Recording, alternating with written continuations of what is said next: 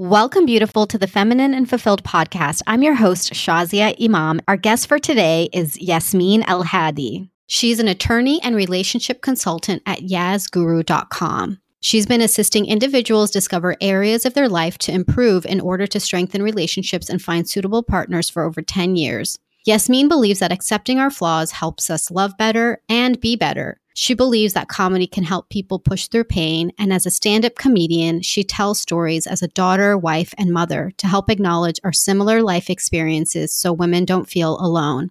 She's headlined at the Super Muslim Comedy Tour hosted by Penny Appeal USA, which included a tour of five cities, and is a regular stand up comedian in the DC area. As an attorney, she specialized in immigration and civil rights law. Yasmin has a JD from UCLA, a master's from Princeton, and a BS in neuroscience and behavioral biology from Emory University. Thanks for joining us, Yasmin. Thank you for having me, Shazi. I'm really excited. I'm super excited. I'm actually really excited for people to just be a fly on the wall and listen to the two of us talk because yes. when we get together, no Don't topic stop. is off Won't limits. Stop. That's right. One thing that your bio didn't say is how much fun you are. You're not just funny, but you are so incredibly fun and you are just a firecracker, is how I would describe yeah. you. Thank when you. you come into the room, everyone is going to know who you are and is just going to absolutely love you. So I feel very privileged to have you on and to be a friend of yours. That's very kind because I actually feel the same about you. Well, thank you. Okay, so I know you, but our audience needs to get to know you better. So, what's your story? What's my story? So, it's like asking me like what's my flavor? I feel like in a lot of ways I'm southern because I grew up in the south of the United States in Alabama and a bit of my time in Kentucky. I'm also a refugee. So, my father is Libyan, my mom's Egyptian, and that's a big part of my identity coming to the United States and learning how to be an American and understanding what that sacrifice kind of meant for my parents, but also what I was going to do in terms of public service after that and kind of defined my life. I'm also a very proud daughter to parents who I believe really, really instilled in me love and openness and free thinking and free thought and really supported me being a firecracker, which was amazing and did not hold me back in any way, shape, or form, but told me that I could be anything and become anyone that I wanted to be. And I'm also a really proud wife to an extremely supportive husband who has been a true answer to many prayers and has been the love of my life.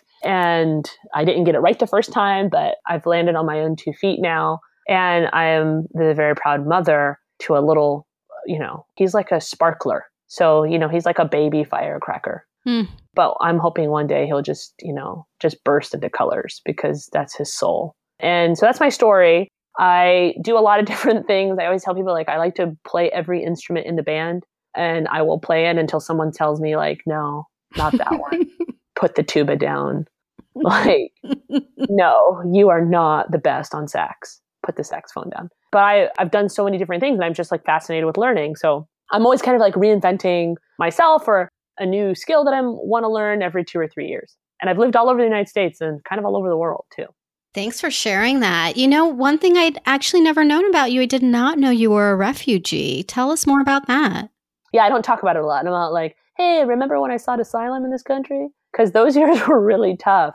My father was a cabinet minister in the Gaddafi regime and he morally abstained against him and he gave up his entire life, very comfortable life in Libya to first seek asylum in Egypt, where he would meet my mom, get married, and you know, look her parents in the eye and say, No, of course, I'll never leave Egypt and your daughter will never leave here. And then have to be forced to leave when around 1989, the Egyptian government began to sell back their Libyan political refugees who were kind of radioactive at that point because of the Lockerbie bombings, and no country wanted to house any Libyan refugees. And so we started our own trek across the Middle East to finally make our way to the United States. And we country hopped and country skipped until a country took us, and the United States was that country. And so I feel in many ways indebted, and it has defined my life as a public servant here and has made me really grateful for our laws, but also not want to see our laws really close the door for anybody. So it's been really eye opening because I was the recipient of a lot of like really goodwill. There were so many churches that opened their doors to us when we first came in. I remember going to Goodwill and getting clothing. I remember being assisted, you know, with basic things, just things for the household from very kind Christians and also some Muslims as well, but really being astonished at their kindness and love and compassion. So, you know, I always tell people refugees take some years to get off the ground. And for us, it took us about seven or eight years to get our bearings here. How old were you when you came here? I was not quite five. So I was just turning five. I was four. And what's your recollection? I mean, you're talking about these people that helped. Yes. So a couple things. I remember being really scared because I wasn't around any of my friends and I couldn't go to school anymore. I had been going to school since age three in Egypt. So that was really tough. I used to talk in my sleep to my old friends and family members and I'd wake up and I'd realize they weren't there. And then I'd see my mm. mom kind of like crying because she knew that I was communicating with them because I didn't have anyone to talk to that was my age or my friends. And so I remember that. I also just remember when we finally made it that I didn't know what to feel about the United States. I thought everybody here spoke a different language, they were in a different culture. Like I didn't I didn't feel like I fit in and and I remember when the people at the churches were helping us, I remember a very specific moment where there was a young woman who worked at the church who helped me put on these really warm pair of socks and I had never really experienced cold like the experience of cold here in the United States. And, you know, she told me, okay, you always have to wear these, you know, when you walk around because I was just freezing all the time. Hmm. I just remember just feeling that warmth of her hand and the warmth of those socks and, and, and feeling really safe. And it was hard to feel safe during that time. And then I just felt it kind of felt like I could finally exhale. Hmm. That's what I remember. Wow. And you're saying it took seven to eight years to really feel fully adjusted. Oh, 100%. Yeah. Just to get jobs that were stable. My parents worked very difficult hours, difficult shifts. You know, my father came from a very successful career and lost that. My mom as well. She was, you know, very successful in Egypt and worked. And when we came here, she just refused to be on public assistance. She just would not do it. And while we did accept the help of individuals to tell us where where we needed to go to, you know, to purchase items that were lower cost and everything, she just did not feel right about taking food stamps or anything like that because she felt like, hey, I'm this proud, educated woman. So she, you know, did everything. She taught for a little bit in a daycare. She ticketed heavy, big boxes of clothing in the back of a department store for six years. Mm. She worked odd jobs, you know, doing Sunday school or teaching like an Arabic math class. My father drove a school bus. He was a butcher. He was a deli operator.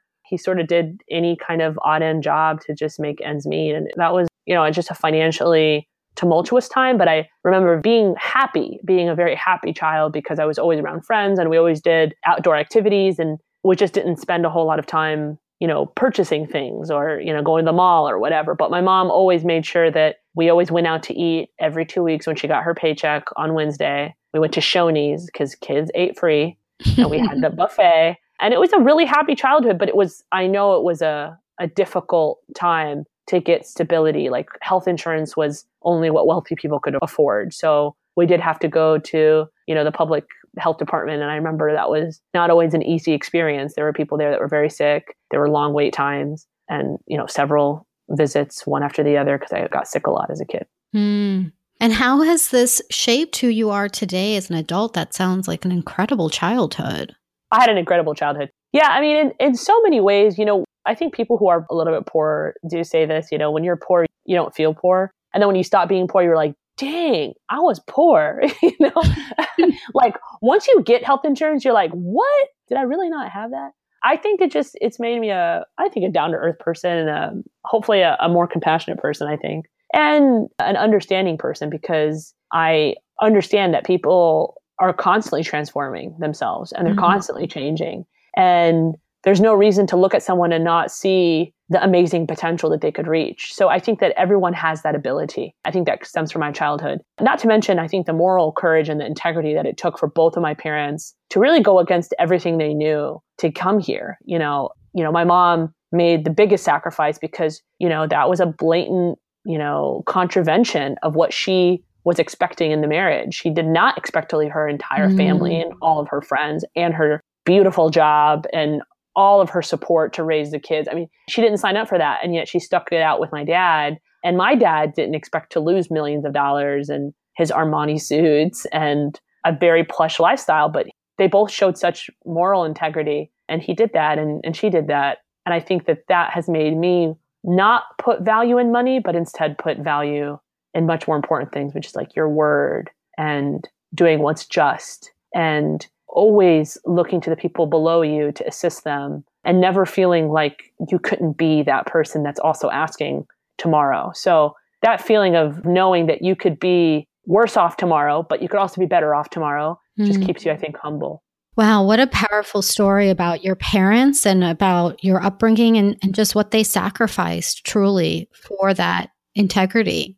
They're amazing. Yeah. Every day I'm like, I would like to be a quarter of them. Maybe just like, you know, I'll just, I'll settle for like a fifth of who my mom is or who my dad is. And they're just resilient and they're good at everything they do. And they're just a chipper. They have great attitudes. They're beautiful to everyone around them. So they're my role models. And I don't think that I would have been at all where I am today or, or have the, you know, I think the ability to easily kind of weave in and out of certain different professions, different ideas, different practice areas. I think without their flexibility, I saw that they were flexible. They really could play every mm. freaking instrument in the band, man. They're amazing. Yeah, they are. And the way you described your parents, I would even describe you. I mean, Thanks. I see that in the work that you do and how much you care about people for their well being, for making sure that things are just. I mean, you went into the law field and you have a fantastic career now, really helping those who need it most. And was this a part of pushing you into that path?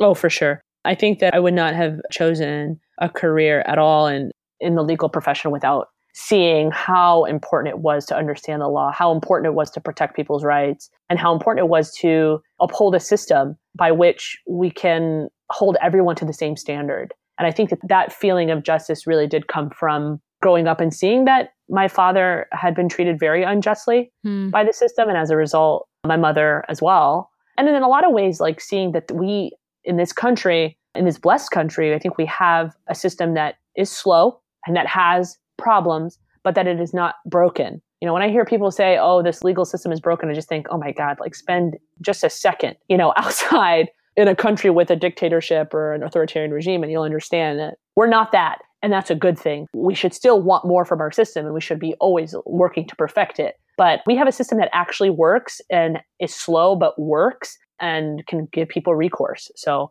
that definitely pushed me in that field. Mm. Definitely. Mm. Mm. That's amazing. And we are so grateful for you to be in that field. And Thanks. you're welcome. And just totally flipping things on its head, you also moved into a very different field, although very similar in the reasons that you did it. Yes. And its its effect. But talk to us about this endeavor that you've gone into. So the comedy or uh, the relationship consulting, because they're different and yet so similar. Let's talk about both. Let's start with the comedy.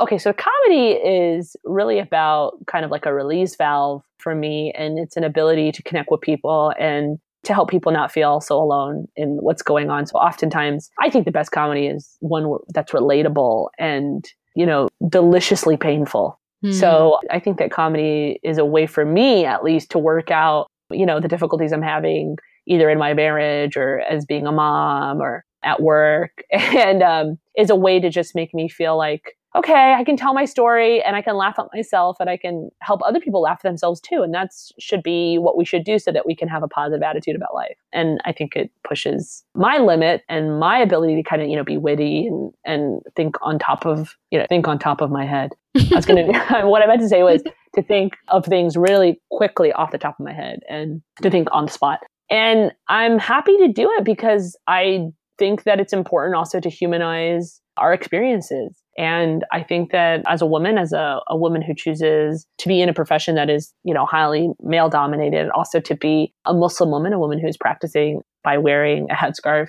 I'm immediately judged by the, you know, by my outer appearance. So the comedy was a way to like, you know, judge me by my words. You know, go ahead, judge away. But, you know, listen to my story because I've got some funny ones. Hmm. And there's lots of funny ones for sure. Yeah. Is there any particular topic that you've seen a big reaction from folks that was maybe unexpected? Yeah. You know, I didn't know how many people were going to connect to this. I have a story about crushing a bully. And I realized that when I was telling this story that it involved a lot of vulnerability, it involved the anxiety of knowing that someone is talking bad about you and talking bad about others. And I realized that people really connected to my story. I was kind of surprised because I didn't know how many people would think like, oh my God, she's kind of violent. Because in this story, I take like a lunch like a lunch tray and I slam it in front of this bully's face and like, you know, mashed potatoes goes flying in his face and chicken fried steak and gravy on his shirt. It's just like a mess. And I was like, hold on, hold on, wait. To this. Yeah. Tell us the story. Tell us the whole story because I've got to hear how mashed potatoes ends up in some guy's face. Yeah. So there's this really popular guy at my school. You know, he plays, he's an athlete, he plays basketball and he's a star player. And there's this young woman in my grade, and her name was Carol, and she was the only Jewish person in my entire school. And in, in my comedy bit, I say I think she's the only Jewish person in all of Alabama, but it was a joke. And she was just this lovely, kind girl. And I had heard that these girls kind of came out to me after lunch and they said, excuse me, after gym class, which I hated. I hated gym class with every like fiber of my being. So I think I was already angry. And they said to me, Hey, did you know that Ryan called you a, a raghead? And I was like, he called me a what? And they were like, raghead, you know, like for a rag on your head. And I was like, yeah, I get, I understand what a freaking raghead is, but like, I don't even know Ryan. Like, I've never had a conversation with him. He's like this one of these popular, you know, glitterati people. I, you know, I've never, he's not even made eye contact with me. And then they were like, oh yeah, well, he made fun of Carol too. And I was like, oh, hell no. What? For what? They said, oh, and then they shared this awful racial slur that I had never even heard of against Jewish people. And then they said that he had made fun of the Star of David that she wore around her neck. And I just remember my fist just clenching, heated, heated, you know, like anger rising from my cheeks. And I just was fuming. And I was thinking about my father in that moment because my father always told me, like, just do it, just do it, be yourself, be unique. So I was like, I have to do it. So I ran into the lunchroom where I knew he was sitting and I took his lunch tray and I slammed it down on the table and I just flew, flung into his face, all over his clothing. And everyone in the lunchroom, ooh, you know, because I had basically, you know, embarrassed this guy immediately by spreading food all over his face on accident. And I just told him, I said, I heard what you said and he was, you know, he was crying and already he started crying. Wow. And his lips were quivering. He was like, I, I, I, don't know. I was like, shut up. You've had enough time to talk. And I told him, I heard what you said. I heard you call me a raghead. I heard that you said Carol was a blank and that you made fun of her star, David. First of all, I don't know you and I don't want to know you because you're a loser. But the next time that I hear that you say anything about us, you're going to have to deal with me because this is how it's going to work, okay? I show you respect and I deserve it in return. Mm. That's how this relationship works. Got me, Ryan? And then he was he started crying again. He's like, Yes. I can imagine him shaking his head like, Yes, yes. please, yeah, somebody save me. Yes. and then I was like, I was like, clean yourself up. And then everyone else goes, Ooh. that was it. And I bet you never heard from him again. Well, I, I saw him in the hallway and he would just, you know, kindly smile actually. And until finally he was like, Yasmin, Yasmin, you're the shit. And I looked at him and I was like, what? And he was like, I mean it in a good way. The, the, when you say someone's the shit, it means that it's a good thing. wow. Wow. Yeah. That's an incredible yeah. story. I just don't, you know, I had a whole year of people treating me badly in Alabama because of uh, the way I looked. And, you know, there was another girl in my class named Asma. She was the only other Muslim girl in my class. And so they called me Yasma for a whole year. I didn't have my own name. I didn't even have my own identity. And I didn't defend myself. But when I found out that they had made fun of this young Jewish woman, I felt just absolute requirement that this guy had to be toppled. Like defending someone else is what helped me defend myself. Mm. And that was speaking to my sense of justice and that it made me powerful. It made me powerful to know that I could help someone else. Wow. And you sure did. I mean, that's a hard thing, especially at that yeah. time in our life. And even today as adults, it is. That was seventh grade. That was seventh grade. Oh I was, I was, you know, 10 or 11. It was rough. I was, yeah, I was, I was just turning 11. Oh. It was rough.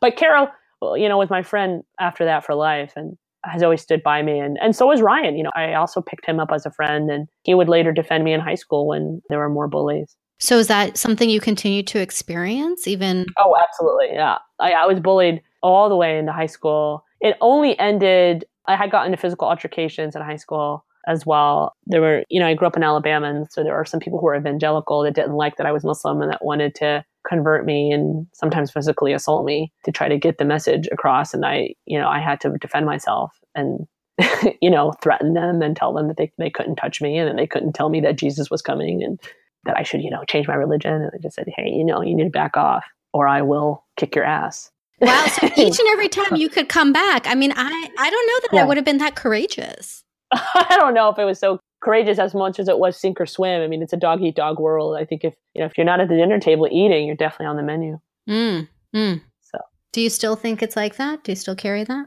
Yeah. Oh yeah. Life's like that.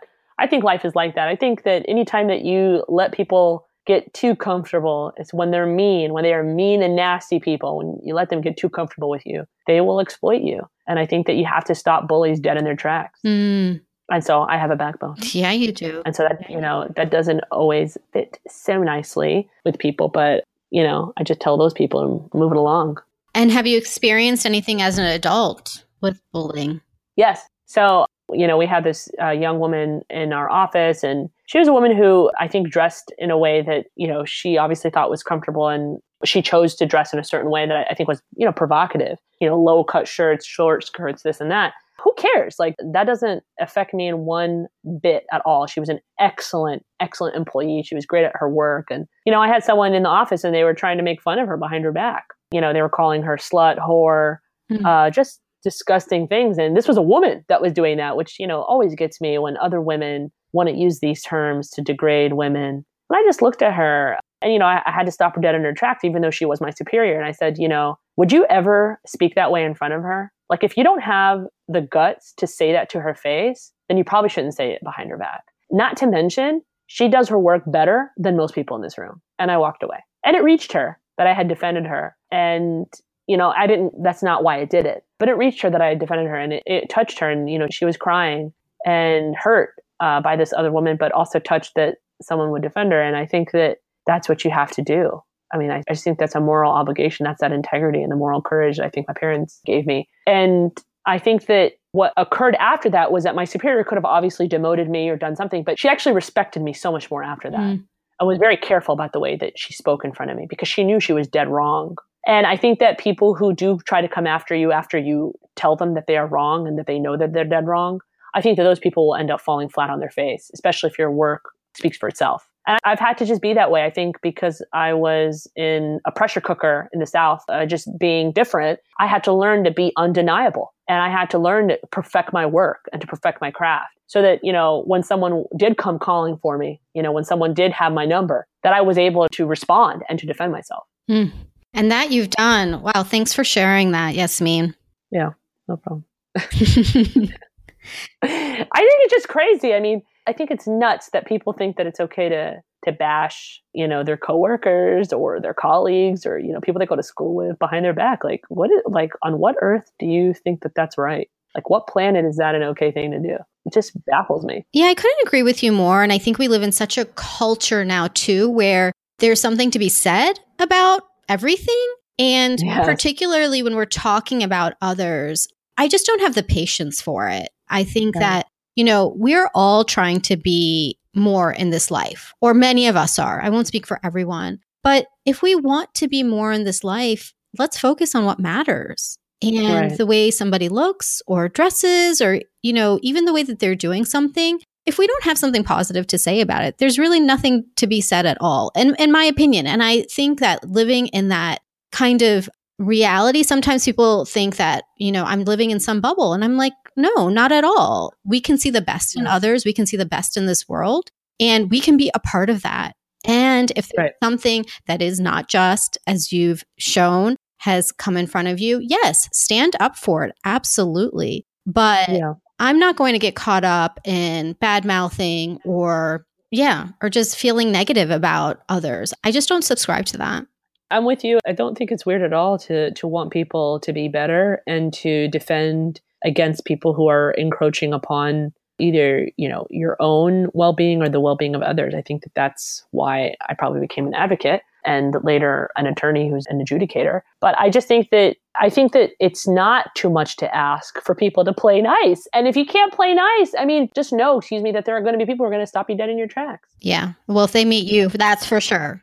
And you're lucky. And you're lucky if someone stops you dead in your tracks. Because you know what? Then you're like oh crap wait self-awareness moment wait a second oh crap, I'm scared of them. Now I have to act right. Even like, that's the thing about people. Like, even if you're going to act right just so that you don't get dissed on by somebody, at least you're acting right.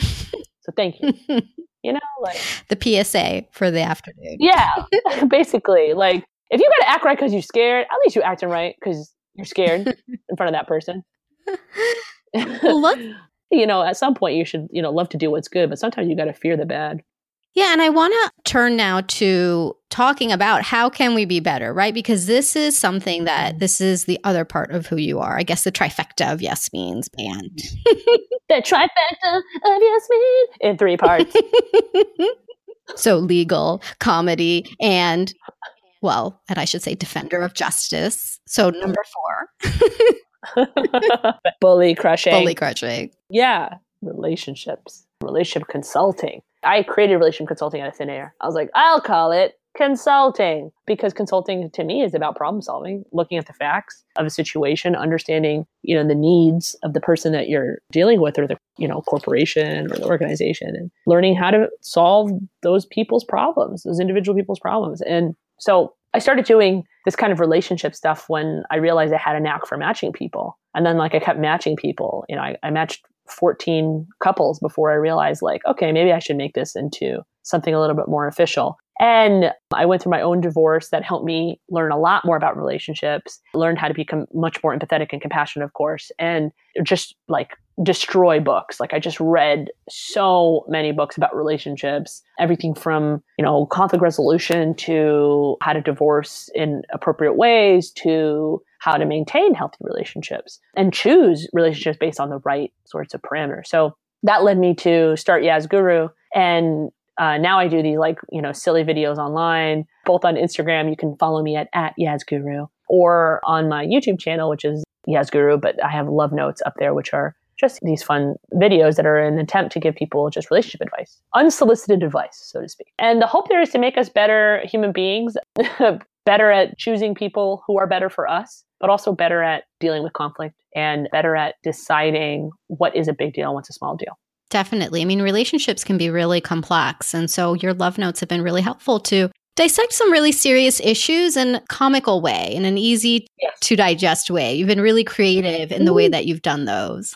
Thank you. Yeah, if anything, I, I think that comedy is a really, really important medium. I think it's a way to, I call it eating your relationship vegetables, right? Like I have to take this really tough, like spinach advice, but I will take it in this like fun vehicle, which is the comedy. I love it. And just to give our listeners a sneak peek into the impact that you've had, Yasmin is actually the one who introduced me to my husband. OMG, did I do that?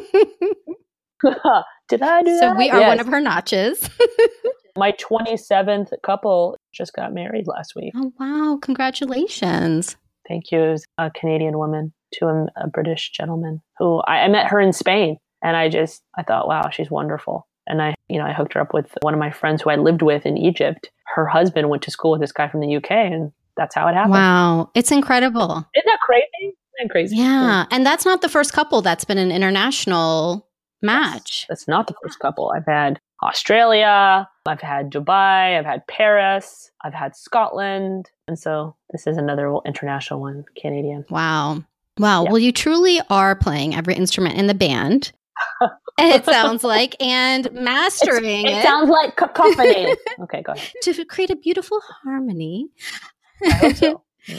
Not, not cacophony. It does. And, you know, as I've been listening to you, and, and I know you, Yasmin, too. Yeah. You sound like an incredibly strong woman. You said it. You've got a backbone. You're a firecracker. You believe in justice. You know, you're out there making people laugh, giving this great advice for their relationships, and really doing some knockout work. Thank you. And I imagine that there are times where perhaps you don't feel as courageous. times. Most of the time i feel very weak and exhausted and not courageous. Mm. and you know chocolate eating instead of gym going. Yes. Sometimes i eat cake. And i don't go to the gym which sucks. That's almost sometimes every day like, for me. I know what i need. I need to go to acupuncture but instead i eat pasta. It's delicious. And comforting. Well what are some of your really big fears? Oh Oh, my biggest fear is failing as a mom. Mm-hmm. Oh, that's number one. You know, I have I tell this joke on the stand up circuit. I say, you know, like having a kid is like, you know, having someone that's constantly staring at you, like, are you going to mess me up now? How about now? How about now? um, they're just constantly looking at you, like, are you going to screw up my life? And I'm, I, you know, I say I'm just waiting for the therapy bill to be like, hey, yeah, my mom messed me up. Here's all these traumatic things that she did. So I'm that's my number one fear.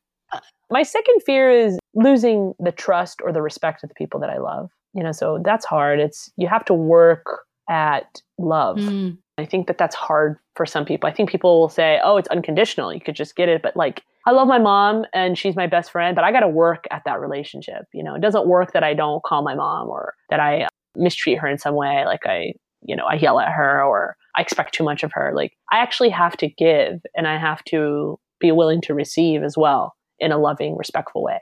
So I think all relationships require inputs and they require an appropriate amount of time. So, you know, when I say losing the trust or respect of the people I love, I think that is because maybe I'll have too much going on on my plate, you know, that my husband maybe feels neglected or man, or, you know, that my husband feels like maybe I don't have enough time for him to do X, Y, or Z. He's so like prompt. He's just so, my husband is like the opposite of me. He's like perfectly on time, loves things planned three months in advance, is not spontaneous, wants to know all of the data. Like he's this very organized, fantastic planner, and I am a complete hot mess. So sometimes I think, wow, I'm so happy that my son gets to have this balanced pairing.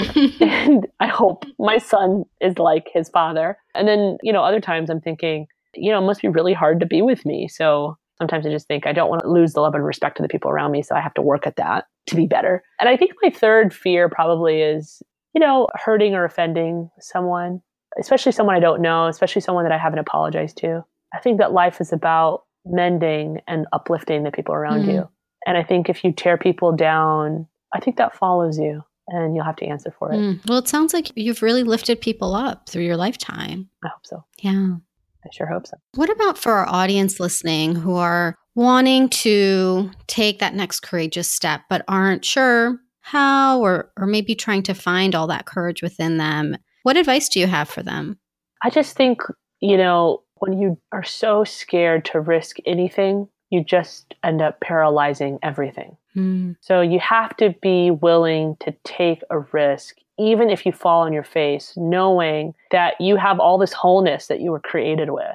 I really believe that every human being is just created full, like their cup is full. And then everyone in your life is, you know, who loves you is trying to fill it even further. And everyone in your life who is not good for you is trying to tip that cup mm. over or to make it feel empty. And I think that even like ads, like ads and marketing are meant to make your cup feel empty. You know, like, oh, you need this. You're totally missing that. Oh, like those wrinkles there, those aren't supposed to be there. You know, you need this. You need this product or, you know, you know, your hair, it's not the right texture. Your skin, it's not the right color. Your butt, it's not mm-hmm. the right mm-hmm. size. I just think, you know, it's just all about trying to take from your cup. And I just think that everybody's born with this full cup. And if you can get to the point where you know that that full cup is what is going to give you the power to take that next step, you know, that nobody can take it away. I think that's what will give you hopefully the right push.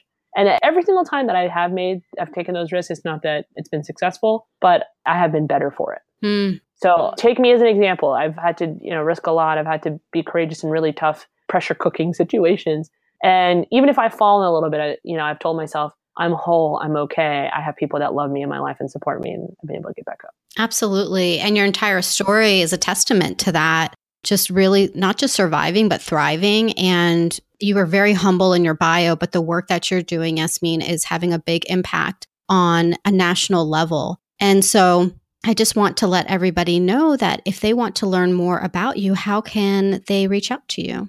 You can definitely check me out at yazguru.com, totally on IG, yazguru, at yazguru, also on Facebook. You can check me out on my YouTube channel, Yaz Laughs is for the comedy that I do. You can just put in Yaz Laughs in the YouTube locator and you'll find my funny comedy. And I just hope that people know they can always Facebook message me and they can also find me on Instagram and DM me. Great. Well, we'll put links to all of those that you shared. And we really appreciate you being here with us today, Yasmin. This was so much fun. I learned so much about you. My gosh, I feel like I'm. But it was so heavy. It was supposed to be fun, and I just made it into a heavy mess. No, girl. It was such a good blend. I'm feeling heavy. I'm feeling heavy today.